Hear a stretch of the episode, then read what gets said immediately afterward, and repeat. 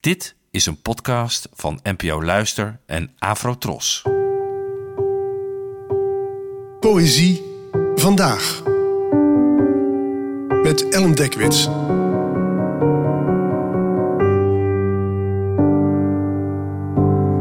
Hallo en fijn dat je luistert.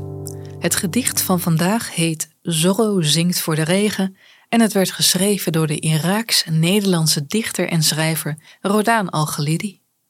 Zorro zingt voor de regen.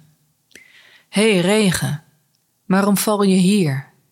Ben je blind, egoïstisch, ben je gek? Waarom open je hier paraplu's als je daar bloemen kunt openen? Dorstige zaadjes wachten op jou om het donker te verscheuren en de schaduw te leggen. Naakte takken smeken kachels om nog één dag. Rivieren proberen zich de zee te herinneren en het rood droogt op handen. Regen. Waarom ben je een douche voor het groen, als je zijn leven kunt zijn? Hé hey, regen, waarom val je op regen? Onlangs las ik met mijn leesclub de roman Candide van de 18e-eeuwse schrijver en filosoof Voltaire, jawel. En tijdens de bespreking waren sommigen er verbaasd over dat ze zo enorm om dit boek hebben moeten lachen. Er bestaat nog steeds een beetje het vooroordeel dat grote literatuur bloedserieus is.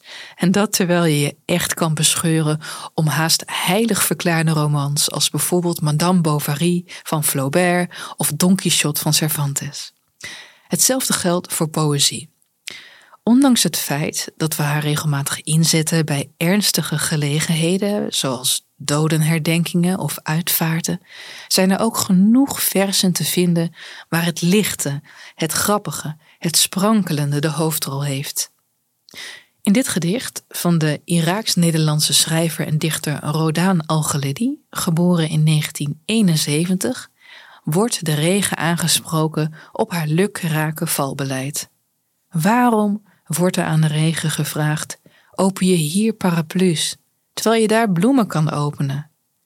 Dat vind ik al een prachtige vergelijking, omdat ik hierdoor inzag dat sommige bloemen, zoals bijvoorbeeld margrieten of gerbera's, er inderdaad uitzien als uitgeklapte paraplu's.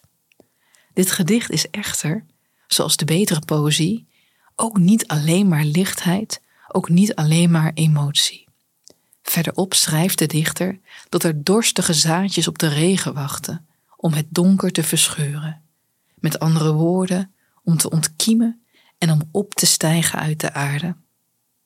Om vervolgens, zoals de dichter zo mooi schrijft, de schaduw te leggen, waarbij ze met hun stengels en bladeren de grond onder hen verduisteren. In dit gedicht is er sprake van personificatie. Personificatie is een vorm van beeldspraak waarbij dingen die levenloos, niet menselijk of gewoon abstract zijn, menselijke eigenschappen krijgen toegeschreven of soms zelfs als persoon ten tonele verschijnen.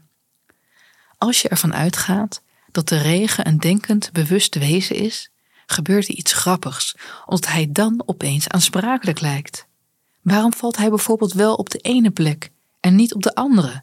Is hij de weg kwijt of zo? Doet zijn Google Maps het niet? En waarom is hevige neerslag een, zo lezen we in dit gedicht, douche voor het groen, terwijl de regen ook zijn leven kan zijn? Deze speelsheid is een van de vele redenen dat ik van dit gedicht houd. Het toont dat een geslaagd vers alles behalve grimmig hoeft te zijn. En ook dat het speelse en stemmige elkaar in poëzie niet alleen perfect kunnen afwisselen, maar bovendien aanvullen. Bedankt voor het luisteren en tot de volgende keer. Afro Tros, de omroep voor ons.